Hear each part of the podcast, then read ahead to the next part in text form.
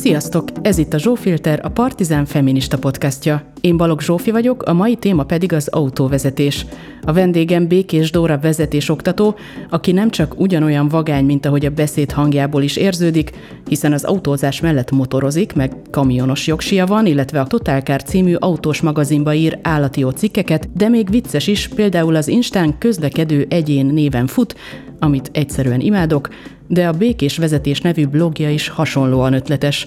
Vezetés oktatóként egyébként jellemzően újra kezdőket oktat, akik valamiért elbátortalanodtak az autózástól. Hát van is sok elbátortalanodni a magyar közutakon, főleg a nőknek, és hogy miért, arról lesz szó a következő órában. Én már nagyon régóta vártam, hogy valakivel kibeszélhessem ezt a témát, imádok vezetni, és imádom a szabadság és önállóság érzését, amit autózás közben érzek. De rendkívül sokat foglalkoztat a közúti agresszió, illetve a nők szó szerinti lenyomása az utakon, illetve a kapcsolódó nemi sztereotípiák, és hogy miért hallom annyi barátnőmtől, hogy félnek vezetni, parkolni, elindulni autóval bárhova. Dórától nem csak izgalmas, benfentes infókat tudtam meg, de nagyon jókat is röhögtünk a stúdióban, egy élmény volt az egész. Pár nappal a felvétel után egyébként tök véletlenül ott parkolt két vezetés óra között az otthonom előtt, és sikerült ráhoznom a frászt, amikor bekopogtam az ablakán. Szerencsére ezt is az adásban is hallható lazasággal kezelte. A műsorhoz hozzájárult még Nyúl Boglárka szociálpszichológus, az ELTE PPK oktatója és kutatója is, akinek ezúton is köszönöm az érdekfeszítő háttéranyagokat a téma nemi vonatkozásaival kapcsolatban. Ha tehetitek, kérlek támogassátok a Partizán munkáját a Patreon oldalunkon keresztül, illetve kövessétek a csatornát a Youtube-on, a Facebookon és a Spotify-on is. Az adás hang utómunkájáért ismét köszönet Lőrinci Áronnak, a Zsófilter arculatáért pedig Kili Zsannának – aki autóban hallgat most, annak biztonságos vezetést kívánok, és köszi, hogy itt vagytok, kezdünk!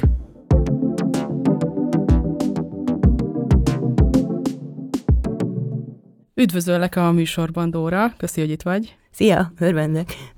Én nagyon-nagyon vártam ezt az adást, ezt a témát már nagyon régóta szeretném feldolgozni, és általában nyaranta gyűlik fel bennem az, hogy így az autóvezetéssel kapcsolatban szeretnék régyelni vagy ventilálni valakivel, mert hogy akkori, akkor van az, hogy nagyon sokat vezetek vidékre a Balatonra, az M7-esen, és hát én nem tudom, hogy mi történik, én idén van egyébként, hogy 20 éve tettem le a jogsimat, tehát hogy azóta vezetek, és hát mindenféle fázisán végigmentem így az autóvezetésnek már. Volt, amikor rettegtem, nagy kihagyás után mindenféle típusú autóm volt már, de azt veszem észre, az, hogy az utóbbi időkben, az M7-esen legalábbis, valami iszonyatos mértékű az agresszió most már, tehát a közúti életveszélyes helyzetekbe hozás, az már nem tudom, hogy durvul-e, erre nincsenek így most a fejemben semmi kutatás, vagy ilyesmi, vagy számok, de valami eszméletlen, hogy mennyire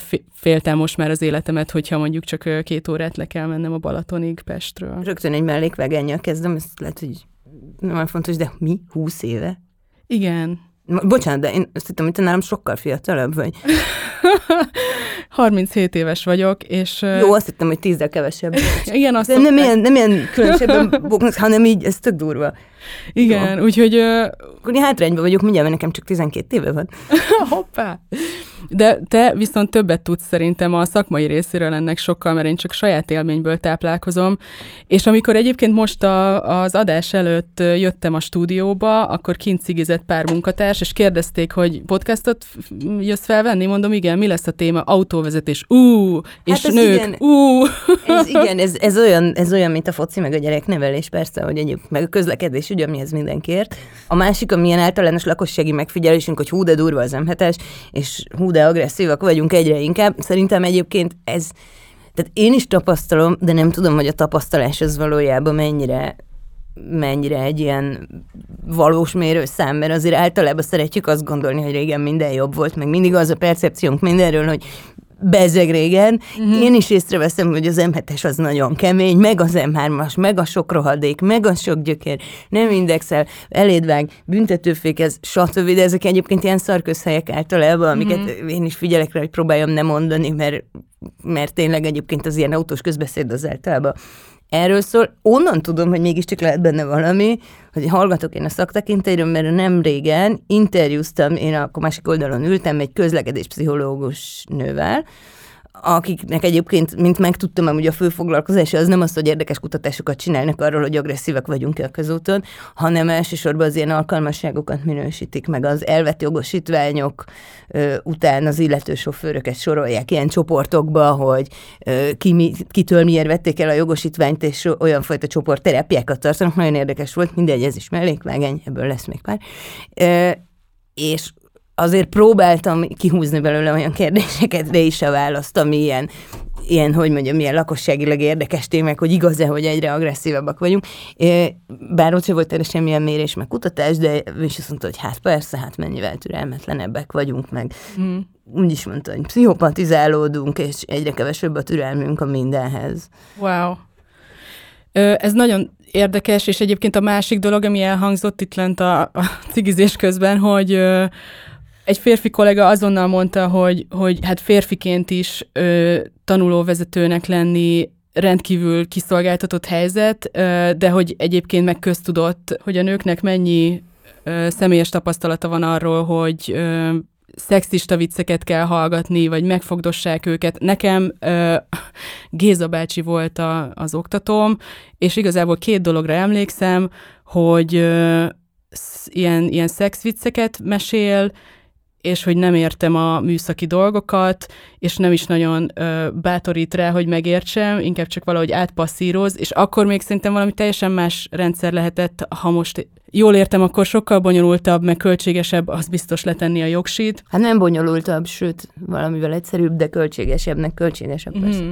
És neked milyen tapasztalataid vannak erről, hiszen foglalkozol nagyon sok olyan vezetővel, akik elbátortalanodtak már egyszer, vagy félnek és újra kezdők, hogy, hogy te milyen ügyfélkörrel dolgozol? Ugyanilyennel, tehát általában a Géza bácsi szexvicceinek, hát nem mondom azt, hogy áldozatai, mert, mert azért én szerintem ez egy, ez egy rendkívül pártoszos szó, ami ennél egy kicsit többre hivatott, de Géza bácsi szexviccei és hasonló történetek, hát azok nyilvánvalóan ezer számra kerülnek elő, most ezt akkor finoman fogom mondani ezeket, nagyon sok van, Uh, nyilván, aki ugye hozzám jár, én tehát én egy hivatásos gépjárművezető szakoktató vagyok, de mivel mielőtt megszereztem ezt a képesítést, amivel már hatalmamban eltanítani jogsi szerzőket is, abból nekem most egyelőre még nagyon kevés van, és előtte is azzal foglalkoztam, hogy újra kezdők. Ezt egyébként bárki csinálhatja, mert ehhez nem kell képesítés.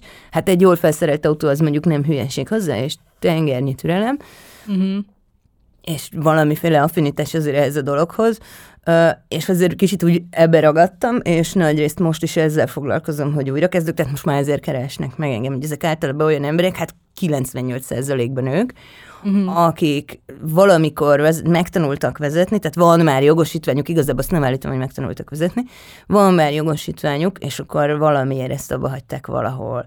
5 éve, 10 éve, 20 éve, van egy extrém esetem, aki 40 éve, nyilván ő már jóval idősebb is, tehát ez egy picit másik közönség azért, mert kicsit a jogsi szerzőktől úgy, úgy meg is vagyok könnyebbül, mert hogy egész fiatalabbak, és nincsenek szörnyű traumáik, mert ezek között, akik nálam vannak, vannak, akiknek tényleg szörnyű traumája, tehát, hogy, hogy igazán baleset, ami tényleg, ami tényleg, tényleg egy trauma, és akkor van közte csak olyan, aki ilyen, akit ilyen sok apró kellemetlenségért, elkezdve az akkori oktatójától, ugye ezek a Géza bácsi típusú történetek százai és tömegei, és van, akivel semmi baj nem volt az oktatás során, egész jól meg is tanult, és aztán jöttek a férjek, apák, bátyák, nagybácsik, vagy még az se, hanem egyszerűen a, a, az egész közeg volt olyan idegbeteg, hogy köszönték ebből nem kértek, és aztán úgy maradtak általában, hogy férjem vezet, de most már meguntam, hogy mindig a férjem vezet. Ugye ez egy kiszolgáltatott helyzet is tulajdonképpen. Ez általában akkor szokták megunni, amikor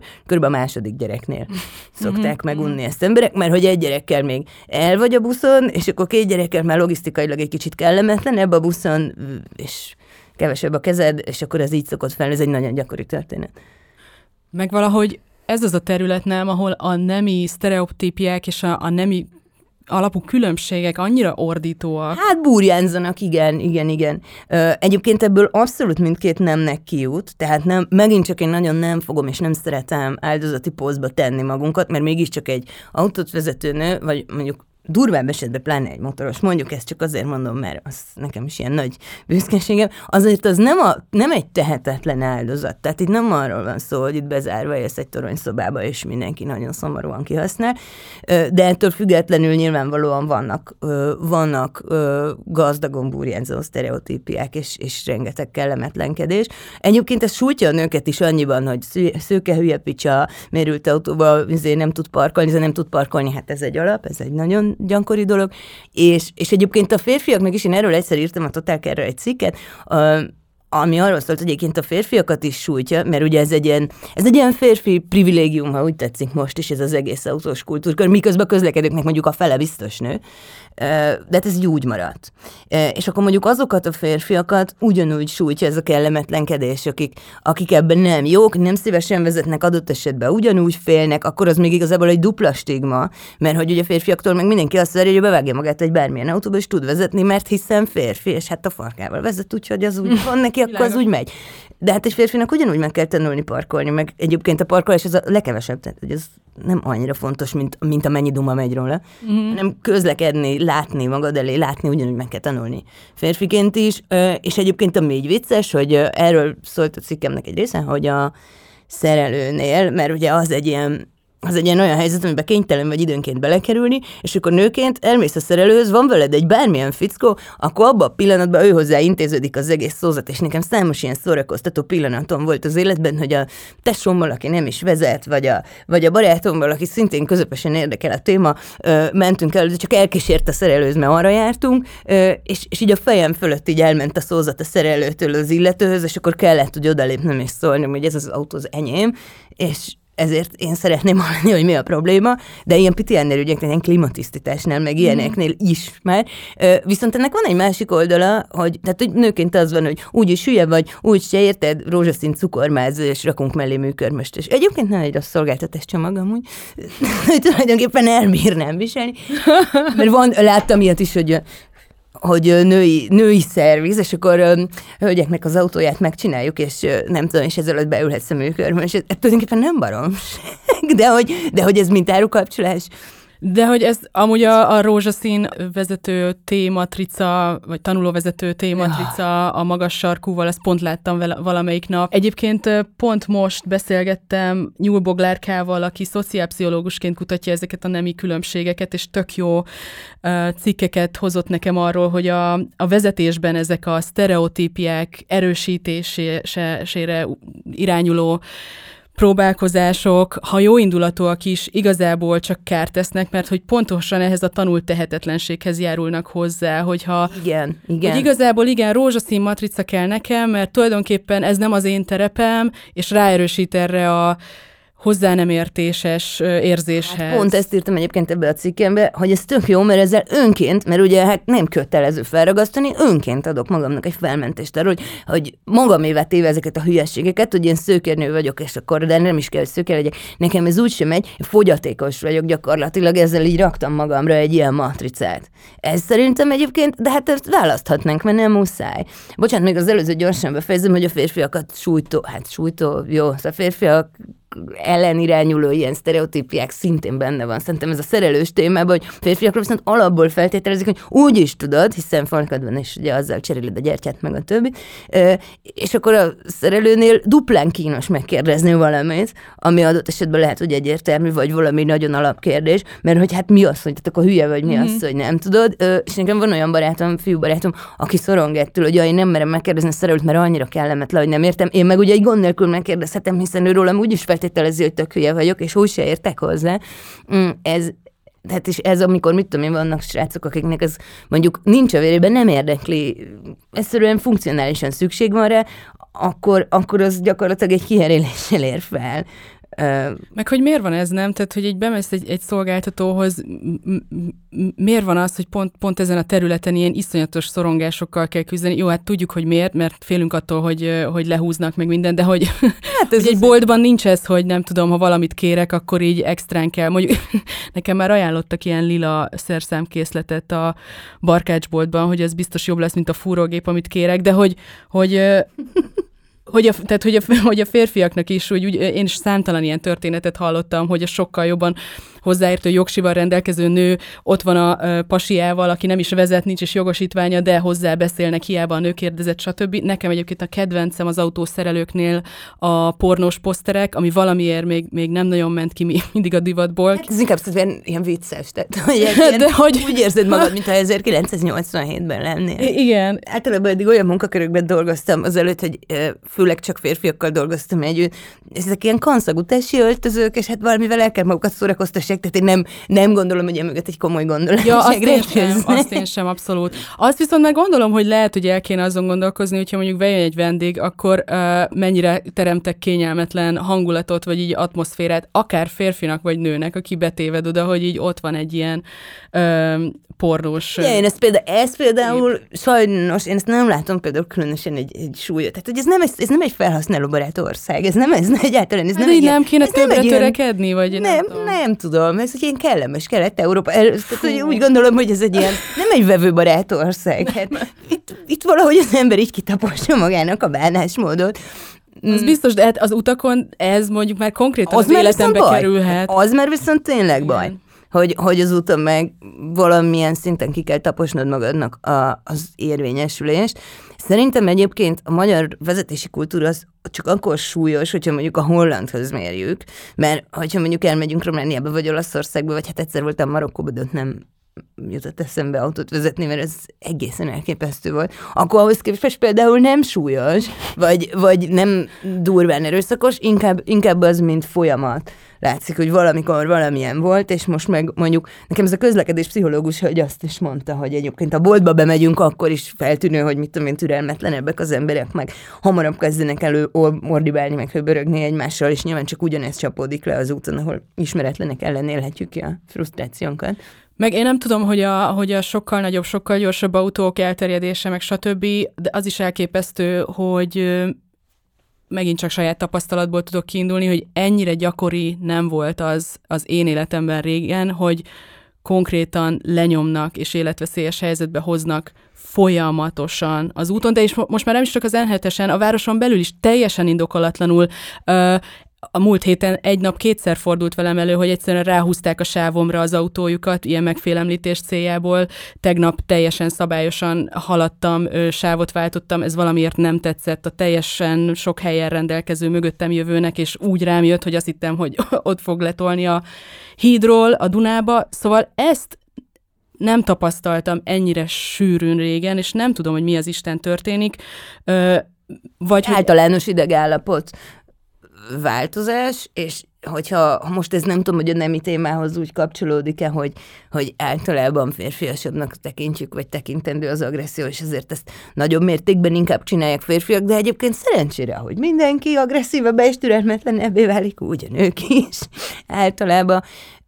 Amit, amit mondasz egyébként, én a városban ezt, ezt nem tapasztalom egyébként egyáltalán, vagy nem látom Ez nekem is új volt. Mint volt, de szerintem egyébként az én tapasztalatom ebben nem releváns, mert hogy én egy ilyen védőburokba járok, mert egy rohadt nagy tébetűs tábla van a kocsimnak a tetején, akkor is általában lusta vagyok leszedni a kocsim, amikor egyedül vagyok, úgyhogy, úgyhogy az egy ilyen burokként így engem megvéd, mert azért akkor nekem csak nem fognak elkezdeni büntetőfékezni, meg bevágni, meg nem mm. tudom mi. Viszont autópályán uh, egy dolog van, amit, amit nem láttam régen, és most meg, most meg öt percenként, mert hogyha autópályán vagyok, és egyedül még akkor azért leveszem a tévetűt, mert mert akkor tényleg akkor nem szeretnék azzal járkálni, és, és ott tapasztalom azt, hogy nem tudok egy előzést végigcsinálni. Egyébként most egy, van egy új kocsim, és egy egészen ö, erős, tehát hogy nem, nem ugyanazt a helyet foglalom el a közúti hierarchiában, mint a Suzuki Swift-tel azelőtt, és mégis nem tudok egy előzést végigcsinálni, mert látom azt, hogy aki a, én éppen már benne vagyok az előzésben, és aki mellettem van a jobb oldali sávban, úgy ki fog jönni a kamion mögül, abba a pillanatban, hogy ő úgy gondolja, oda se, vagy oda se nézve, vagy mindent lesz, hogy ez például már egy újdonság hogy, hogy nem, hogy ott kell résellened, akkor is, ha tudod, hogy a másik ott van a kamion mögött, te sokkal gyorsabban mész. Ilyenkor nyilvánvalóan azért nézel bele a rohadt tükörbe, hogy megállapítsd, hogy jönnek a belső sávon, mm-hmm. tehát nem megyek ki. Most már mindenki kimegy. Mm-hmm. Ettől folyamatosan fosni kell, ez nekem is új. Mm. Ez tényleg, ez is van, és egyébként nagyon jó, hogy említed a közúti hierarchiát, meg hogy milyen típusú autóban Az egy az érdekes ember. szociológiai kérdés. Fú, és egyébként szerintem itt lehet, mondjuk, ha valaki kíváncsi arra férfiként, hogy milyen az, ha nőnek tekintenek az úton, vagy fordítva, én például nagyon ajánlom, ha valaki kölcsön tud kérni egy olyan autót, ami tipikusan ilyen férfiasnak hit autó, akkor hogy bánnak vele az utakon, és hogyha mondjuk nekem volt egy ilyen piros kis Renault, és egy ilyen teljesen nyilvánvalóan ugye női autó, mert hát nyilván egy nőnek van olyan autója, eszméletlen, hogy tök mindegy, hogy hányal megyek, tehát most egy, egy, egy Seatom van, ami azért elég fullosan megy, és hát nem mondom, hogy én is a legszabályosabb vezető vagyok mindig, de nagyon érdekes, hogy attól, mert ez egy ilyen kisebb női, nőies típusú autó, egyszerűen nem kap annyi tiszteletet, mint hogyha át, átszállok egy, egy nagy passzátba, és hogyha... Ez számít. Ez egyébként, hát ezt inkább szerintem autópályán venni észre ezt is. Igen. Nyilván ennek egyébként azért bizonyos értelemben van technikai oka is. Tehát azt, hogy mondjuk ez a kis autó, mondjuk, ami tipikusan városba való kis autó, ami nekem például egy évtizedig egy Suzuki Swiftem volt. Nyilván nem fog tudni úgy gyorsulni, Ja, mint egy persze. két literes passzát mondjuk, de az, tehát hogy szerintem valószínűleg van technikai és szociológiai oka is. Egész nyáron a haveromnak a ö, fekete kombi passzátjával járkáltam, ö, és, és megdöbbentő volt, hogy hirt, hirtelen a nagy hadihajóval nem néztek be az ablakon, hogy kivezeti, akkor hirtelen volt ott tisztelet, meg hirtelen ö, nem, nem volt annyi kakaskodás. Ja, ja, ja, abszolút. Én nekem is az a fura, hogy, hogy igen, ha egy, nyilván, ha egy la- lassabban menő kis autó, meg régi autó van, azt alapból letolják a francba, meg hát tiszteletet nem fog kapni, de hogy az én autóm most például elég jól tud gyorsulni, ennek ellenére ez senkit nem érdekel, ugyanúgy letolnak, és a lomhább nagy autóba, hogyha átszállok, akkor teljesen máshogy kezelik, szerintem nagyon érdekes. És erről is egyébként nagyon jókat mondott Boglárka, hogy, hogy ennek így a szociálpszichológiai háttere az mi, és hogy mennyire más módon hatnak a sztereotípiák a férfiakra és a nőkre. Tehát, hogy a férfiaknál az agresszív, erőszakos vezetés, életveszélyes vezetés, ez egy ilyen elvárt, egy ilyen jól van, te ilyen kockázatvállaló, ez van elvárva a férfitól, milyen fasz a gyerek vagy, és ugye a férfiak okozzák túlnyomó részben a, a baleseteket, mégis a nőket tekintik béna vezetőnek, tehát hogy az, az egy ilyen bénasággal egyenlő, hogy te nem vagy kockázatvállaló és, és Igen. agresszív a- az Holott ez, ez egy baromira pozitív tulajdonság is lehetne. Hát, hogy biztonságosan, óvatosan mész. E, jó, azért, azért ez is szerintem, szóval én, nem, én semmiképpen nem akarok itt ellent mondani, um, Nyugodtan. de az mondjuk szerintem ez is árnyaltabb, mert sokszor, aki már ott tart, hogy tud kockázatot vállalni, az valószínűleg technikailag már jól vezet. A bénesság azért az létezik. Persze. Az abszolút létezik, és a bénaság az veszélyes. Tehát, hogy a bénaság az kifejezetten, kifejezetten sokszor szül bizonytalanságot, ami szül túl lassúságot, ami viszont veszélyes, csak másként veszélyes, mint az, hogy az ember elmebeteg módjára belerohan helyzetekbe.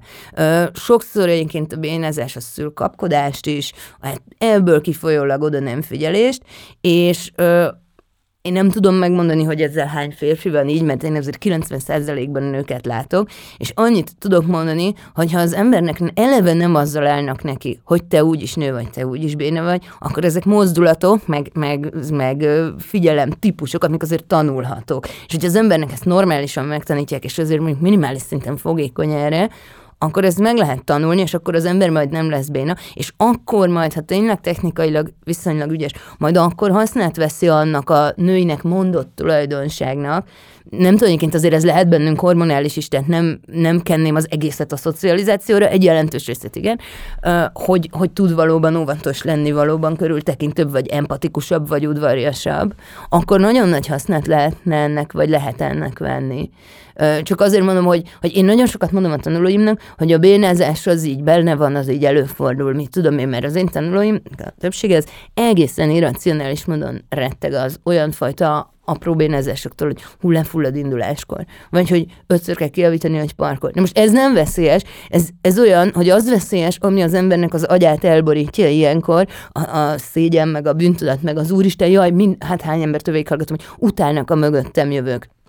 Na most ez, ez senkit nem érdekel, hogy utálnak-e, tartsák meg a véleményüket maguknak, szerintem. De ha már mondjuk nem ezekről a fajta béna mozdulatokról van szó, hanem tényleg a, például az ember a ritmus nem tudja fölvenni, nem tud szépen bekanyarodni, azok olyan fajta bénázások, amik, amik már tényleg, tényleg veszélyesek, és azokra nem mondom azt nekik, hogy jaj, ugyan már semmi baj. Tehát, hogy azért az, hogy empatikusan tanítunk nőket vezetni, azért az nem jelent mondjuk folyamatos simogatást ilyen Persze, szempontból. Világos. Nem szabad, hogy azt jelentsen.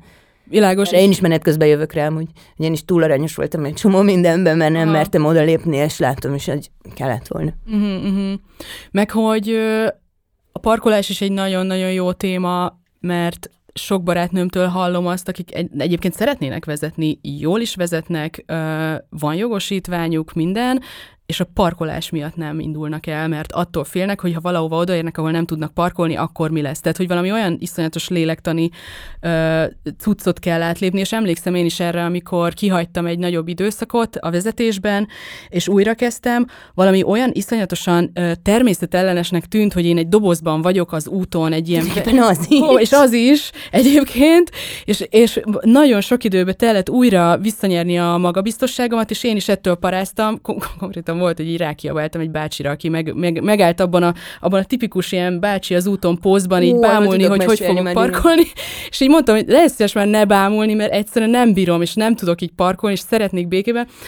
De aztán rájöttem, hogy igazából ö, teljesen oké okay volt a bácsit elküldeni, de az is oké, okay, hogy, hogy, hogy egyszerűen el kellett, el kellett döntenem azt, hogy én engem ettől a ponttól kezdve nem érdekel, hogy hány ember tartok fenn, nem érdekel, hogy, hogy hányan gondolják, hogy béna vagyok, hányan néznek végig. Én most parkolni fogok, ha az 5 vagy 10 percig tart, engem nem a, amikor ezt el tudtam dönteni, és magamban megbizonyosodni, hogy kész, majd belejövök, izé, és én ezt most meg fogom csinálni, és egyébként nem dölt össze a világ, egyébként mindenki túlélte. Nem össze a világ, és e- ezzel nem veszélyeztet senkit nyilván, mondjuk egy belvárosi zsúfolt helyen parkolásnak, és van mondjuk időben mondjuk egy udvariassági határa, stresszes, senki nem fogja azt mondani, szerintem, hogy dögölj meg, vagy hát de fogják azt mondani, csak ezt tényleg le kell szarni, hogyha most e, nem tudom, három percig parkolsz. Most ha már 15, akkor azért azt mondom, hogy ez már tényleg lehet, hogy a tömeg bedúl a félváros, és akkor, azt, akkor kiválasztjuk a következő helyet, vagy elmegyünk három utcával odébb, és sétálunk 10 percet, de hogy igen, ezek, ezektől nem szakad össze a világ. Amúgy nagyon vicces, mert így, amikor mondtad, hogy a bácsi, hogy megállt, az nálunk annyira tipikus órán, de hiába ott van az autóban egy hatalmas, nagy, szabványos tévető, hogy ez egy oktatóautó, és én ott ülök a jobb oldalon. Ez egy annyira klasszikus, hogy bemegyünk, amikor már valaki ügyes, és akkor par- tanulunk parkolni először nyilván ilyen békésebb helyeken, és utána bemegyünk, általában a 13. kerületbe ott szoktam dolgozni, és akkor bejebb megyünk a Willipot város meg ilyen kemény helyekre, és akkor na, akkor most itt is csináljunk élesbe szép parkolásokat. Annyira klasszikus, hogy általában oda jön nekem fickók, és elkezdenek így integetni, meg így magyarázni, meg mutogatni, és akkor szoktam így lehúzni az ablakot, és mondani, hogy elnézést, ez egy óra, és most akkor, most akkor ezt szeretném, hogy, szeretném, hogy ez most nem lenne. és akkor egyébként a fele, aki így jaj, jaj, jaj de amúgy látszik a kocsin, tehát nem, nem vagyunk inkognitóba. A másik fele az megsértődik, hogy ő csak jót akart, igen, csak igen, segíteni igen, akar. Igen, most mi bajom van? Na most például ez biztos vagyok, hogyha egy férfi ül a jobb oldalon, akkor ez nem fog megtörténni. Tehát hmm. ebben teljesen. Tényleg milyen női oktatóként létezni a szakmában? Még azt mondom, hogy én nem ismerkedtem, barátkoztam annyi oktatóval, hogy hogy ezt meg tudjam mondani. Én azt tudom inkább, akikkel én együtt jártam tanfolyamra, ott nagyon sok helyes, kedves fiatalabb arc is volt, és hát egyébként persze, így mondtam az elején, hogy azért választottuk mindannyian ezt a szakmát, mert alapvetően szeretünk okoskodni és pofázni, hát ez nyilván mindenkire igaz meg nekem egy nagyon-nagyon kedves tündéri főnököm van, és szintén egy idősebb úr, és azért, hogyha mondjuk egy ilyen rutinpályán az ember körülnéz, akkor mondjuk 80% férfi, és általában az a fajta hangulat uralkodik, amit én mondjuk régebbi raktárban dolgoztam, az ilyen helyeken azért nagyjából megszoktam, tehát nekem elég vastag a bőröm ahhoz, hogy most minden szexvicet ne vegyek föl, vagy ne nagyon izgasson, de meg eleve valószínűleg kevesebb olyan nő választja ezt a pályát, akit mondjuk minden ilyen nem megsértődik, olyan, amilyen, ezt, ezt tudom mondani. Nekem vannak nagyon aranyos, kedves ismerőseim is, és hát, és hát azért ilyen azért látok én is egy-két rémisztő figurát, aki már, már akkor a tan, már amikor a tanfolyamra jártunk, már akkor a hülye gyökerekként emlegette a tanulókat, amikor még el se kezdte a szakmát. És én mindig olyan nagyon nagyra tartom a, a női, női oktatókat, akik vannak egyébként idő, többnyire inkább középkorú idősebb nők, egy-kettőjükhöz jártam is uh, ilyen óralátogatásra, amikor jártam tanfolyamra. Uh, hát, mint, mint a tanár, tanárnök általában, így, így olyanok, és, uh, és valahogy azért az részemről ezt, ezt, ezt így jövezi egy ilyen tisztelet, hogy azért mégiscsak mondjuk, hogy én nem tudom, hányan lehetünk a 10-20 százaléknyian. Uh-huh. Engem nem ért ebben a státuszomban már nem ért kellemetlenkedés általában. Amikor tanulóvezető voltam, akkor nyilván Uh-huh. Igen, én is egy szexvicceket mesélő Laci bácsihoz jártam, de egyébként nagyon jó tanár volt a Laci bácsi, és nagyon, nagyon jól megtanultam vezetni, azt merem mondani. Amikor utána tanultam később, három évvel ezelőtt is én tanultam vezetni, csak akkor mást, mert akkor motorozni tanultam, meg kamionozni, és akkor a kamion sofőr oktatóm, az egy nálam fiatalabb srác volt, ott, ott semmi, tehát hogy egy, egyáltalán semmiféle megjegyzést nem tett a nememre, pedig ott aztán valószínűleg még egészen mások a nemi arányok. Ott csak a vizsga biztosom, amikor, amikor az elején ott kellett még ront, még kell vizsgát csinálni, és akkor amikor vizsgáztam, és akkor valamilyen kérdést kérdés volt, hogy a légfék működése nem tudom, azt kellett elmagyarázni, én nagyon benyaltam ott akkor minden tananyagot, hogy nehogy bármit ne értsek, mert ha nem értem, akkor el se tudom magyarázni. És, és akkor elmondtam a légfék működését, és akkor az úri ember azt mondta, hogy hát nőtöz képes nem is rossz. Ez, ez volt. És akkor Lasszik. nyilván, na azon azért megsértettem, tehát nem szoktam minden baromságon megsérteni, de az azért már úgy erős volt. Utána elaludt a vizsgán egyébként, nagyon jó. és akkor mi elmentünk Pécerre az oktatómmal, így elbeszélgetünk, közben majd visszajöttünk, és utána megkaptam a megfelelő minősítést. A motoros oktató, egyébként az, egy, az is egy tök jó oktató volt, de az azért cicukámnak szólította nőket természetesen, és ott mm. is mentek a szexviccek, és azt tudom mondani, hogy hát ezek, ezek a figurák sokszor olyanok, mint a tesi tanárok, hogy bizonyos mértékig ezt sajnos tudomásul veszük, amikor a tanulmányi szerződést aláírjuk, és hogyha erre valaki tényleg érzékeny, akkor, akkor ez egy picit nehezebb.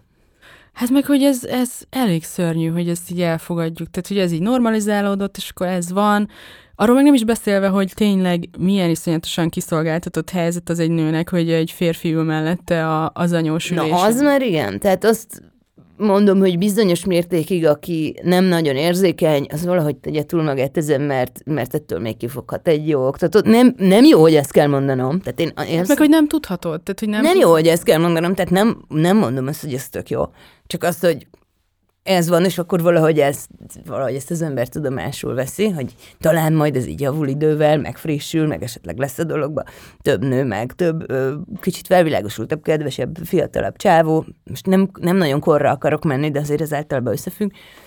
Viszont, hogyha valaki ezekre tényleg mondjuk érzékenyebb, akkor ez, nem, akkor ez nem egy könnyű ügy, és nem tudhatod, hogy ki az, aki fog fogdosni, meg sok a rémtörténet. Most ez kicsit olyan, mint a szülészetes rémtörténetek, hogy rengeteg rémtörténetet hallasz, és akkor már nem tudod, hogy most ez a túlsúly, vagy amaz. Mert, mert szeretünk tocsogni a rémtörténetekbe minden ügyben, és hogy az ember nagyon sok ilyet elolvas, vagy nagyon sok ilyet hall innen-onnan, akkor, akkor az azért tényleg egyre parább, hogy soha nem tudhatod, és akkor tényleg, tényleg aztán vannak a tényleg, tényleg zaklatós esetek. Én olyat hát tanulomtól hallottam már természetesen, én nyilván nem értem meg, vagy azért az valószínűleg nem terem minden bokorba. Igen, reméljük, és én se tudom a számokat, ezért is egyébként vártam nagyon, hogy, hogy beszélgessünk, hogy valaki, aki tényleg nagyon sok vezetőt lát, vezetőt kísér ezen az útján, hogy így felbátorodjon, meg nem tudom, valahogy túltegye magát ezeken a rossz mm, élményeken. Hát figyelj, azért is egy picit ez egy torz ö, szemüveg, amin keresztül én nézem. Azért, mert hozzám ugye eleve már azok jönnek, akik valószínűleg jobban szoronganak, mert különben valahogy azt a kis kellemetlenséget legyűrték volna az elején, és nem jutottak volna odáig, hogy hozzám jönnek tehát eleve azok jönnek, akik nagyon szoronganak, akik nem véletlenül nem kezdték újra az elmúlt húsz évben, 10-20, mit tudom, akármennyi, azok, akiknek ehhez már komoly lökés kell, akik, komolyan, megint nem akarom ezt a szót használni, komolyan traumatizálódtak, de mondjuk komolyan nagyon bántotta őket az, ahogy mondjuk a férjük, pasiuk, bátyjuk, stb. viselkedett, amikor ők egy kicsit gyakoroltak volna a szomszéd három utcába, és valószínűleg el jutottak volna odáig, hogy fizessenek egy ilyenért. De mondjuk már az is egy szűrő, hogy ők nagyon sokan vannak. És azért én általában ugye őket látom, és akkor azt látom, hogy ott már nagyon sokszor nagyon komoly szorongásokat oldunk, amire nekem hát mondjuk azért olyan szintekre nem is mindig van képesítésem. Világos. Itt azért elég sok minden feljöhet. Igen, és fel, is, traumák, és fel is jön, és fel is jön. És ehhez nem kellett, tehát hogy aki tényleg balesetes, azt azért meg szoktam kérni, hogy mondjuk akkor azért ehhez jó lenne egy pszichológus, mert én nem vagyok pszichológus, és ott esetleg előjön, mit tudom, milyen flashback, érted, hogy nem biztos, hogy tudok, vagy egy pánikrohammal, kellett már mit kezdenem, de egy, egy pánikrohammal m 0 egyszer, azóta például megkérdezem, hogy pánikbetegség van-e, tehát egy baleset az, az csinálhat tényleg az emberrel olyat, amit nem biztos, hogy én majd adott esetben kezelni tudok. Nekem azt azért föl kell mérnem, hogy mit tudok kezelni, és mit nem, mert hát ez tényleg kéne valami olyan szakember, aki nem csak egy autós oktató, hanem tényleg valami lelki szakember, mindegy, nagyon elmentünk ebbe az irányba, valószínűleg nem véletlen, hogy ezeknek az embereknek a 90%-a nő, és nem azért, mert jaj, mi mennyivel érzékenyebbek vagyunk, hanem mert sokkal több olyat kapunk, hogy eleve már az oktatásban le vagyunk nézve, eleve már az oktatásban szerezzük ezeket a kellemetlen élményeket, egyébként még nem rossz szándékú oktatóval is, és utána szoktak jönni általában a végtelen okoskodások. A több, a, a beszólás, a hülye picsa parkolásra, amitől az embernek esetleg hamarabb elmegy a kedve az egésztől. Voltak férfi tanítványaim, ilyen újrakezdők nagyon kevés, tehát hogy, és azoknak is a jó része haverom, vagy az ismerősöm, mm. vagy, a, vagy az, akinek azért valahogy elmegyegetett, csak mondjuk parkolni szeretett volna megtanulni, és általában lehetett látni, hogy a többségük egy-két kivétel sokkal magabiztosabb volt, és nem azért, mert ez úgy a férfiséggel jár, hanem mert nem tömték a fejét egész életébe azzal, hogy ő ehhez béna és nyomorék. Uh-huh. És neki ez úgy sem megy, mert ez valami Istentől eredeztetett alap dolog. Hanem nagyon hamar azt a pár szempontot látta, hogy, hogy mit tudom, mit nézünk parkoláskor, és akkor, és akkor nem volt ebből egy ilyen lelki csinálva. Állati érdekes, hogy mennyire, mennyire régre nyúlnak vissza ezek a beidegződések, meg ezek az üzeneteket honnan és hányféle helyről kapjuk, erre is vannak kutatások állítólag, hogy ha tesztek előtt a nőket emlékeztetik rá, hogy nők, volt egy ilyen, hogy mit tudom én, matek teszt előtt fiatal lányokat emlékeztettek rá, hogy lányok és sokkal rosszabbul teljesítettek, mint akiket nem, meg hogy valami vezető szimulátorba ültettek nőket, és előtte, hogyha ennyit csináltak, hogy emlékeztették őket, hogy ők nők, akkor valami kétszer gyakrabban ütötték el a szimulátorban a gyalogosokat, meg ilyenek, tehát hogy ez a ez a felerősítése annak, hogy ehhez te nem értesz, meg hogy, meg hogy ez nem a te tereped, ebben nem te vagy a jó alapvetően, hogy ez Igen, mert az, hogy te ott vagy, az egy anomália, meg egy kivétel, miközben tényleg a közlekedőknek a fele mondjuk nő. Nyilván az autósoknak valószínűleg nem, de hogy az össz, összközlekedőknek mondjuk, mm. nyilván nehogy az embereknek a fele is, ezzel most nagyot nem mondtam. De ami nagyon érdekes, hogy erre, erről nekem eszembe is jut, amikor mi jártunk az oktatói tanfolyamra, ott mondjuk eleve is ott is úgy kezdték, most nem akarok itt a közlekedést tudom ennyi intézetről csúnyákat mondani, de ott is úgy kezdték mondjuk a nagy előadóba 300 ember között az előadásokat, hogy jó reggelt, uraim. Hmm. És ott ültünk mondjuk 300-ból lehettünk nők mondjuk, hát nem is tudom, 30, 20, 30-an. Lehet, hogy a nagy picit többen most, hmm. ezt nem tudom, nyilván nagyon kevesen. Hmm jó reggelt, uraim, ebédszünet előtt jó étvágyat, uraim.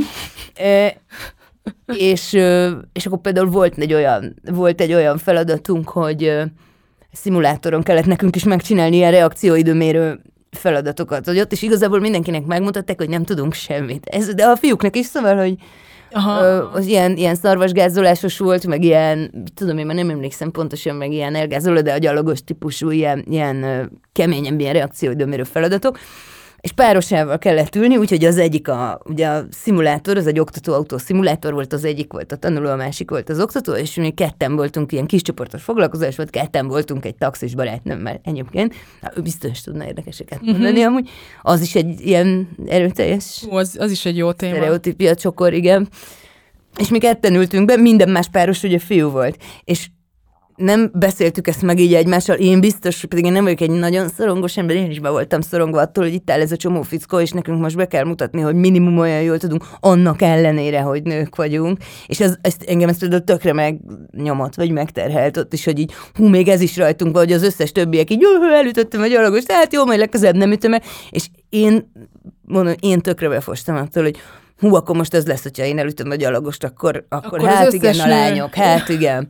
Mert akkor én, mivel olyan kevesen voltunk nők, akkor én most reprezentálom az összes nőket. Úgyhogy egyébként én a tébetűs autóm, amikor fönt van a tébetű, és csak én vezetek, én akkor is próbálok ilyen nagyon, nagyon példamutatóan vezetni, nem, nem is azt mondom, hogy most pontosan 50-nel mindig a városban, meg nem tudom, de hogy tényleg nem csinálni, amúgy se csinálok olyat, hogy nem indexelek, meg nem tudom, de hogy az olyan dologban, amiben ilyen lakosságilag szoktunk szabálytalankodni, próbálok, nem, mert akkor az van, hogy hű, igen, oktató, benézzünk szőkenő, igen, na tessék. Tehát, hogy, hogy legalább ez ne legyen.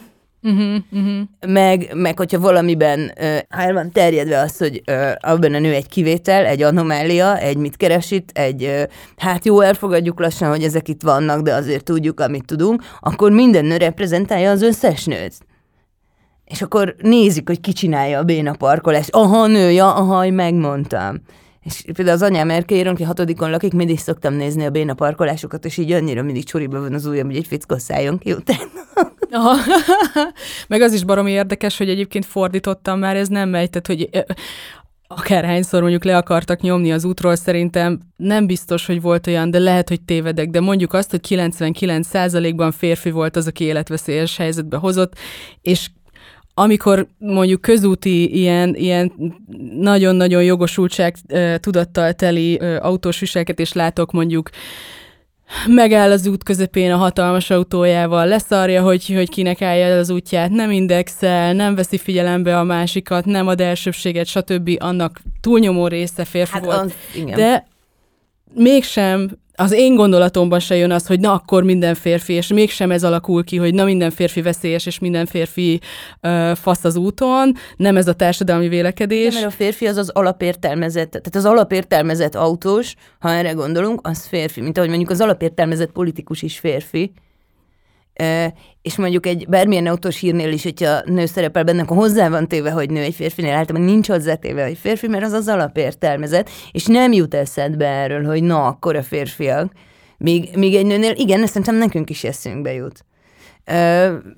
Így van. És, de, amúgy, de amúgy igen, tehát hogy ez nyilván egy sokszor mért, meg sokszor kimutatott valami, amivel most én nem hoztam ilyen pontos számokat, de csak a lakossági tapasztalat, hogy igen, a, a direktből megyek az életveszélyes helyzetbe, a kakaskodás, a, a ilyen, ilyen nagyon durván agresszív dolgok, a, abba azért nem nagyon látsz nőt. Tehát, hogy, hogy ilyen, ilyen felületes bénázásokban, meg felületes elbaszásokban, hogy nem indexelt meg, nem nézett jobbra, és lekaszálta a biciklist például, klasszikus, abban gyakorlatilag ugyanúgy az ilyen, az ilyen extrémebb esetekben, az ilyen, a, tehát a Villányi úton 130-al hajtó őrült a büntetőfékező az Árpád hídon a, a autópályán egymásra torlódó, egymással viaskodó idiótáknak a, azért abban nem, abban nem nagyon látni nőt. És szerintem eleve az van, hogy, hogy eszedbe nem jut, tehát hogy, hogy fel nem merül ez az egész, hogy ez egy, hogy ez egy komoly státuszszimbólum, hogy ez nem, nem akarok ezzel az ócska faszpotlék dumával jönni, mert biztos ez ennél árnyaltabb, de hogy általában nekünk ez egy praktikus közlekedési eszköz. Nem, nem merül fel. Jó, persze, hát nők is örülnek egy jó autónak, vagy, vagy jobban örülnek egy még jobb autónak, vagy vannak, vannak csajok, versenyzők, meg, meg ilyesmi, de hát általában pályán versenyeznek, ahova ez a dolog való. Hm ismerünk éneket, szintén nagy tisztelőjük vagyok amúgy, én nagyon-nagyon keveset ismerek, de nagy tisztelőjük vagyok, mert hogy ez az terep az, ami nekem egyáltalán nem megy, és ezen is sokszor gondolkoztam, hogy ez vajon ilyen nem neveltetés, vagy hormonkérdés, vagy mi, mert éppen most maradtam rettenetesen alul egy ilyenben. Nincs is indítatásomra, egyébként csak meghívtak egy ilyen műsorba. És bocs, mire gondolsz, hogy hormonkérdés, vagy mi? Azt, hogy mennyire vagyunk bátrak, mennyire ja. vagyunk agresszívak, azért abban biztos van valami tesztoszteron mozgatottság, tehát azért azt gondolom, hogy azért ez nem kizárólag egy szociál, szocializációs kérdés, hanem ebben nyilván van nyilván van benne tesztoszteron, hogy mennyire vagy tényleg agresszív, mennyire vagy versengő, mennyire vagy kockázatvállaló, mennyire mész bele, ott csak azért, hogy megmutasd, hogy te vagy olyan. Ez, ezek, ezek a nagyon ritkán női viselkedések. Vagy úgy meglepődsz, hogyha egy ilyen helyzetben nőt látsz, szerintem.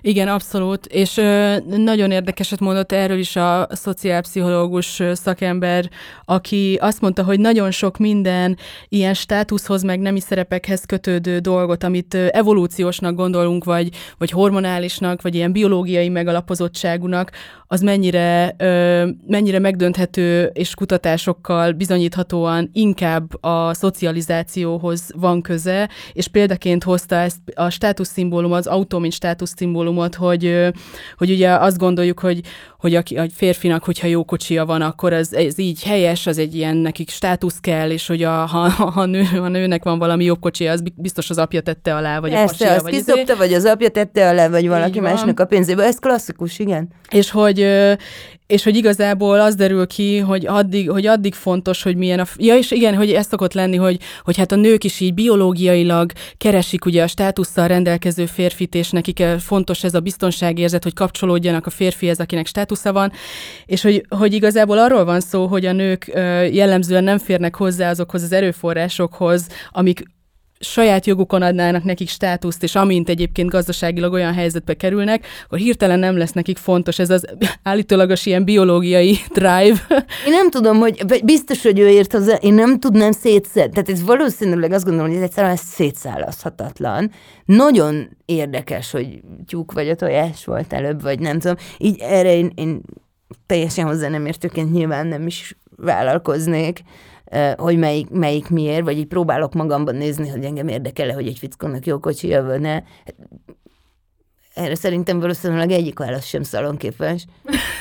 Mert ha érdekel, az azért nem szalonképes, ha nem érdekel, az meg, az meg azért. Volt egy barátom, aki nagyon szarkocsia volt, és ezt különösen, különösen szerettem. Azt, hogy na igen, na ez egy ember, akinek még csak arra sincs szüksége, hogy egy nagyon menő kocsia legyen, hanem ő büszkén kiáll ezzel a szarral járkál, kvázi nem is az, hogy mutatva ezzel, hanem hogy, hogy egyszerűen ki annyira biztosan áll abban, hogy ő egy magabiztos férfi, hogy még csak egy BMW-re sincs szükség arra, hogy ezt megtámogassa. Nekem ez például nagyon imponált. Hát most akkor itt bevallom, hogy e, alám konkrétan az apukám és a bátyám ö, tette a legutóbbi autómat. Az az előtt azt én vettem, mert arra még volt pénzem, aztán a szegény már nem bírta tovább, és ö, egyszerűen muszáj volt eladni. A lényeg, hogy az ő segítségükkel tudtunk egy olyan autót venni, ami most már nem életveszélyes az utakon, és, ö, és én is tudok vele jól menni, és az van, hogy ö, mivel ez az autó jól tud menni, én is elkezdtem elég, hát hogy mondjam, lendületesen vezetni vele, ez nagyon, igen, ezen én is egy jókat szórakoztam. És, és akkor mindig Lama. röhögnek rajtam, mert azzal magyarázom, hogy hát ez egy dízel autó, és ez úgy megy, hogy ennek így, be, így meg kell lódulnia, és akkor izé, és szóval én nem... nem Megmagyarázzuk magunknak. Persze, mindig, persze. De hogy tehát az autó képessége is nagyon meghatározzák azt, hogy az ember hogy megy, és hogy, és hogy azért elég tudatosan kell ö, önreflektálni is, hogy, hogy én milyen helyet foglalok el a milyen autómmal, és ö, milyen ö, ö, ö, érzeteket keltek magam körül, tehát nem, egyáltalán nem elég csak az, hogy én hogy érzem magam az autóban. Nagyon fontos az, hogy rajtam kívül vannak más autók, vannak biciklisek, vannak gyalogosok, és mivel én mindhármat csinálom, ezért most, tehát hogy így meg tudom érteni azt a biciklist is, akinek tele van a töke azzal, hogy, hogy az autós ráhajt a kereszteződésben, aztán autósként megértem, hogy azért hajt rá, mert, nem, körül, mert nem látsz ki, és körül kell nézni, de hogy ez mit kelt a másikban, az is tök fontos így figyelemmel kísérni, és hogy, hogy a lendületes vezetésem is nekem mondjuk oké, okay, amikor egyedül vagyok, de lehet, tehát hogy anyukám mondta, hogy ő konkrétan ettől már fél, de hát ő, ő szegény mondjuk így nem tudom, 30-as kilométer per óránál érzi magát jól, mert nem szokott autóban lenni. Tehát, hogy mennyire mások a, az inger küszöbeink, meg ezek mennyire változnak, és tök érdekes lehet a te munkádban szerintem, hogy, hogy, hogy követed az útját azoknak, akik mondjuk egyre bátorodnak, megerősödnek ebben, és hogy, hogy milyen lelki folyamatokon mennek át közben. Egyébként igen, ez most egy csomó ilyen eszembe jutott, mert hogy az én tanítványaimnak is az egy komoly munka, hogy a sebesség, pláne aki nem öt éve hagyta abba, hanem húsz mondjuk, hogy a sebességet megszokjuk, főleg aki mondjuk bringázni szokott, ez például 30 fölött az abszolút ilyen nagy rettegés van, nem olyan természetes, hogy akkor te most megnyomod a gázt. pláne most a mostani autóm az nekem is egyel, már kettővel jobb, mint a régi, és, és itt már azért megnyomod a gázt, akkor az, akkor az megy. És az, az egy nagyon komoly ijedelmet szokott kiváltani, most nyilván ugye nekem, akinek ez mindennapi közegem, azt azért valamikor meg kellett értenem, hogy miért, miért nem megyünk már, mert én ezt viszonylag megszoktam, és, és az, én azért azt tapasztalom, hogy ezt például nagyon hamar meg lehet szokni, és azt is nagyon hamar meg lehet szokni, hogy, hogy te vagy az erősebb, és ahogy mondtad, arra szerintem, és az már nem is annyira nemi kérdés, de mondjuk, hogy ilyen, ilyen erőfölény kérdés, hogyha, hogy hogy érezzük magunkat abban, hogy hú, ez nem biztos, hogy teljesen összeszedett lesz, hogy mi vagyunk az erősebbek, vagy ahhoz vagyunk szokva, vagy mi vagyunk a gyengébbek, ami, ami nagyon, meg, ami egy ilyen tök zárójeles, de ilyen női dolog, hogy leges legelején az óráknak, tehát az első órán mindenkinek szoktam tartani egy ilyen kis kressz frissítőt. Most annak, aki 10-20 éve nem ült autóba, az mondjuk fogalma nincsen a táblákról. Nagy ijedelmemre sokszor azoknak sincs egyébként tényleg zéró fogalma, akik amúgy rendszeresen bicikliznek a városba. Igazából erről tudni se szeretek, de végülis meg lehet csinálni ezt sajnos. És hát szoktam kérdezni, hogy milyen, milyen eseteink vannak arra, vagy szoktunk arra beszélni, milyen esetek vannak arra, hogy, hogy kinek van elsőbség, és akkor meg szoktuk nézni, hogy ha neked van táblád, akkor kit engedünk el, és ha neked nincs táblád, akkor mi most rögtön jön mindenki azzal, hogy hát ha nincs táblám, de nincs elsőbség a kötelező táblám, akkor, akkor elengedek mindenkit. De mondom, miért? Hát nincs elsőbség a kötelező táblám. Hát, hát mert jó, hát erősebbek, nagyobbak, hadd menjenek. És vagy azt szokott jönni, hogy ja, hát akkor jobb kész szabály van. És föl sem merül az, hogy amúgy nekem is lehet elsőbségem.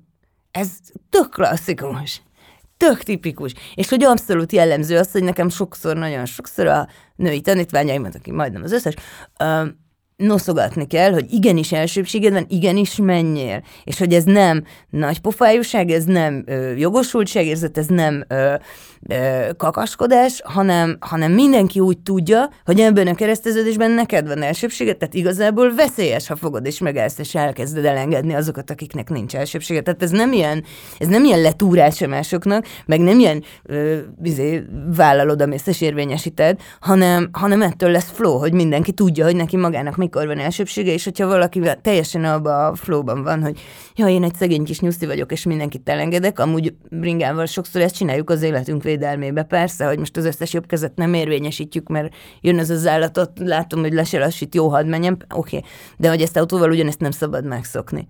Ez, és erre azért úgy gyanúsan inkább a lányokat kell noszogatni, hogy igenis lehet elsőbségen, igenis van elsőbségen, igenis tessék menni meg azt, hogy mondjuk előzni, az nem ilyen, az, az nem egyenlő egy dögöly meggel, hanem az egy, egy létező manőver. Tehát, hogy, az, hogy, hogy nem az az autópályán menés például, hogy hú, mi megyünk 80-nal a kamion mögött. Hogy az nem egy ilyen szemétség, az nem egy ilyen önérzeti kérdés. Ez például, ez például nagyon klasszikus, azért ez férfiaknak ritkán szokott, azt gondolom, problémát okozni.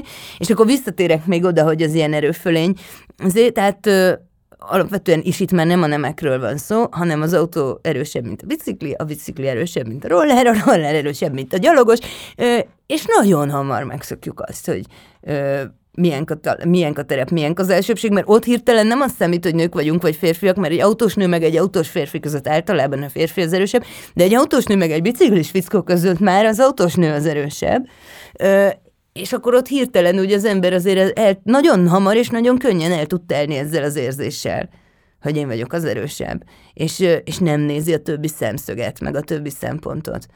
És ugyanúgy én, mondjuk én nagyon tudatosan próbálom ezt, ezt elkerülni magam, magamon, meg, meg a tanítványaim, amikor elkezdenek ezek így kibontakozni, hogy ú, még átmegyek a gyalogos előtt, nem mész át a gyalogos előtt. Meg várjon már egy kicsit, ne várjon annak is, annak is vannak jogai. Nyilván nem úgy értem, hogy az ülői úton sétáljon át a gyalogos, megint csak, hanem most a kifejezetten szabályos helyzetekre értem. És akkor és akkor ugyanúgy mi, akik ahhoz szoktunk, hogy autóval erősebbek vagyunk, mint a biciklis, felszállunk a biciklire, és pillanat alatt takarodjon a sok köcsög gyalogos.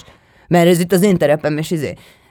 Ez, ez szerintem tulajdonképpen tök természetesen jön belőlünk, hogy valamilyen helyzetben mi vagyunk az erősebb kutya, csak nőként ritkán vagyunk ehhez szokva, akkor rögtön ugyanaz történik. Tehát azt, arra nem akarom kinevelni a tanítványaimat, hogy akkor hirtelen nyomakodjanak vállal, hogy én vagyok az erősebb, de nőknek azt szerintem azt a fajta minimál érdekérvényesítést, azt azért tanulni tanulni kell. Ö, még van egy ilyen, ami erről eszembe szokott jutni, mikor mondtad, hogy, mind a, hogy az összes szemszöget ismered, mert hogy gyalogolsz is, meg bringázol, meg autózol is, Szerintem egyébként a legjobb ellenszere annak, hogy az emberben egy ilyen felfogalkodott jogosultságérzet kifejlődjön, az az, hogy napi szinten ismerje, ismerjen több szemszöget.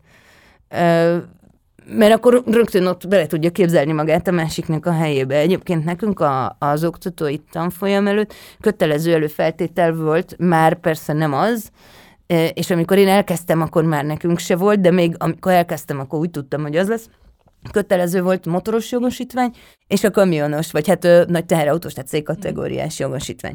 Ö, nyilván aztán az volt, hogy olyan kevés volt az ember, aki megfelelt az előfeltételi kritériumrendszernek, hogy ezt törölték, pedig amúgy a, a koncepció az nem volt hülyeség, hogy ne egy ilyen autófejű hülye hanem ismerjed a többi szemszöget, és például egy motoros szemszög az nagyon hasznos. Szerintem, mert ugye az autónál, hát az már olyan határesetes, hogy gyengébe, mindenki másnál erősebb, Hmm. De az autónál mindenképpen védtelenebb, de mondjuk egy ugyanannyi lóerővel száguldozik ö, egy szál kabátban. Egy tök másik szemszög. Én amióta, én azáltal, hogy ezt én megcsináltam ezt a tanfolyamot, és motorozok is aktívan azóta a városba is, meg városon kívül is, nagyon sokat tudok a tanítványaimnak mondani erről, hogy például hol, hol, hol hogyan figyeled mondjuk a tükörbe a motorost, vagy hogyha például vezettél már nagy testű járműt, buszt, vagy kamiont, vagy bármit, akkor, akkor ismered ezt a szemszöget, hogy például a buszvezető mit lát a tükörben, Szóval ez szerintem egy tök hasznos dolog, és kicsit, kicsit ezt a mindenről szól ö, hozzáállást kicsit tudja mérsékelni azt, hogy ismered a többieknek a szemszögeit. Ez nagyon király, és az utolsó kérdésem ehhez kapcsolódik, hogy szerinted mi, mi szükséges ahhoz, vagy mit látsz szükségesnek ahhoz, hogy változzon a közlekedési kultúránk, egy kicsit biztonságosabb legyen, onnantól kezdve, hogy oktatás, vagy bármi. Hát onnan tud, minden, minden onnan kezdődik, hogy oktatás, sőt ott kezdődik, hogy az oktatóknak az oktatása. Ö, eleve annak, aki bevezet valakit a közlekedésbe, már, már annak kellene valószínűleg pszichológiailag, meg pedagógiailag felkészültnek lenni, és hát neki, neki magának, vagy nekünk magunknak nyilván kell egyfajta ilyen toleranciát mutatni. De egyébként meg, hogyha az úton magunk körül sok-sok állatságot látunk, akkor előbb-utóbb lekopik az, amit tanultunk akkor, amikor megtanultunk vezetni. Tehát nem kenném a saját nyakunkba az összes felelősséget nem, nem, nem tudom azt mondani, hát ahogy ez a kedves közlekedés pszichológus is mondta nekem, hogy az összes többi frusztráció az könnyedén lecsapódik a közlekedésben. Mert, mert az a legkönnyebb terep, abban mindenki részt vesz. Tehát ilyen-olyan formán a hetes busztól kezdve a, a, a izé, mindenféle biciklisen, meg autóson, hát abban egyszerűen mindenki részt vesz, és nagyjából arctalanul és nagyjából névtelenül, hát főleg csak egy rendszámunk van, és, és ott a legkönnyebb kiadni azt a feszültséget, ami, ami millió egyéb társadalmi ö, feszültség nyomán keletkezik. Én nem, nem mondom azt, hogy arra így, így van egy recept, hogy egy, hogy egy ekkora, ekkora társas játékot. Tehát azt sokan szokták mondani, hogy hú, mindenért vegyük el a jogosítványt, hú, mindenért ö, ilyen pontot, olyan pontot, ö, ezt is ki az útról, azt is ki az útról. Egyrészt mindig lesznek helyette másikak, másrészt valószínűleg nincs kapacitás mindent ellenőrizni. Igen, hát vannak dolgok, amiket valószínűleg sokkal súlyosabban kéne szankcionálni. Most pillanatnyilag nyilván a magyar rendőrséget se akarom különösen kritizálni, úgyhogy pontosan nem értek hozzá, mert nagy dumákat azt mindenki tud mondani, sok mindenhez mielőtt nagyon véleményt formálunk, azért pontosabban kéne érteni, de például ö, ilyen, ilyen ötletszerű, ilyen hirtelen razziázások vannak gyorshajtásra, és szerintem a gyorshajtás az nem, tehát az azért olyan dolog, hogy mindenki ismeri, hogy mondjuk megyünk az ülői úton, ahol van egy azt hiszem 60-as vagy 70-es tábla, és az egész sor 90-nel megy, akkor nem ez lesz a durva. Az lesz a durva. A relatív gyorshajtás lesz durva, amikor a, nem tudom, belvárosba hasítunk. Akár csak 60-nal, és tegyük, vagy 50-nel, mert mondjuk nincsen kint egy 30-as tábla, és szabad elvileg 50-nel hasítani, ugyanakkor ez pont egy relatív gyorshajtás. És ami nagyon-nagyon, amit nagyon-nagyon nem csinálunk, azt tök kiemelném, az a követési távolságot, azt nagy évben szoktuk leszarni, és az pedig a, a nyugodt békés vezetésnek az az első kritériuma lenne, hogy követési távolság. Nagyon köszönöm, hogy ezt mondtad, mert ez a nünükém, a követési távolság, hát és igen. nem fér az agyamba, hogy ezt a nagyon-nagyon egyszerű koncepciót miért nem tudjuk betartani egymás Van ott még hely meg azért, mert, a, mert így ég a tűz az emberbe, és türelmetlen, és menni akar, és nem tudom fizika törvényei szerint mindenképpen mindenképpen történik valami. És mindenki rosszul nagyon- jár, tehát hogy senkinek... csak, hogy rosszul, szóval ez nem, ezzel nem az a baj, nem mindig az a baj, és ezt elfelejtettem elmondani, ezt valahol szúrjuk már be, ha lehet, hogy nem mindig az a baj, hogy baleset lesz. Nem mindig lesz baleset. Igazából az a fajta ilyen, és én ezt, én ezt próbálom így elsősorban hangoztatni, meg kiemelni mindenhol, azt egész adás alatt elfelejtettem mondani, hogy nem, nem mindig az a lényeg, hogy baleset vagy nem baleset, hanem ez az állandó ilyen zizegő, feszülő idegállapot, amibe kerül az ember, na, az mondjuk fele részbe a követési távolság, a másik fele részben az, hogy húzunk magunkra, mindent magunkra veszünk, ö, személyes ügyet csinálunk ebből a folyamatosan, folyamatosan folyó és változó valamiből, ami a közlekedés, és ilyen, ilyen, ilyen eszméletlen, ilyen, ilyen zizegő idegbaj lesz tényleg abból, hogy le akarunk jutni a nagyhoz a telekre, vagy átmenni a, nem tudom, orvosi rendelőbe a város másik végébe, és, és a, tehát itt kellene valahogy egy kicsit lenyugodnunk, és akkor és akkor nem, nem csak arról lesz szó, hogy nem volt baleset, akkor nem volt baj, igen, de tönkrement az egész napod. Igen, de csatakosan izzadtan és idegbetegen szálltál ki, és egész úton valami érdekes téma, vagy egy jó podcast helyett arról beszélgettél, hogy az a köcsög is ott mit csinál, meg itt is életveszély, ott is életveszély, és ez nem igaz, hogy csak a többieken múlik. Szóval ez egyáltalán nem igaz, hogy hát az a köcsög ott nem lenne, akkor ez mind nem lenne. Ez nem igaz. Ez, ez nagyon, nagyon-nagyon bennünk is eldől, hogy ez ekkora téma.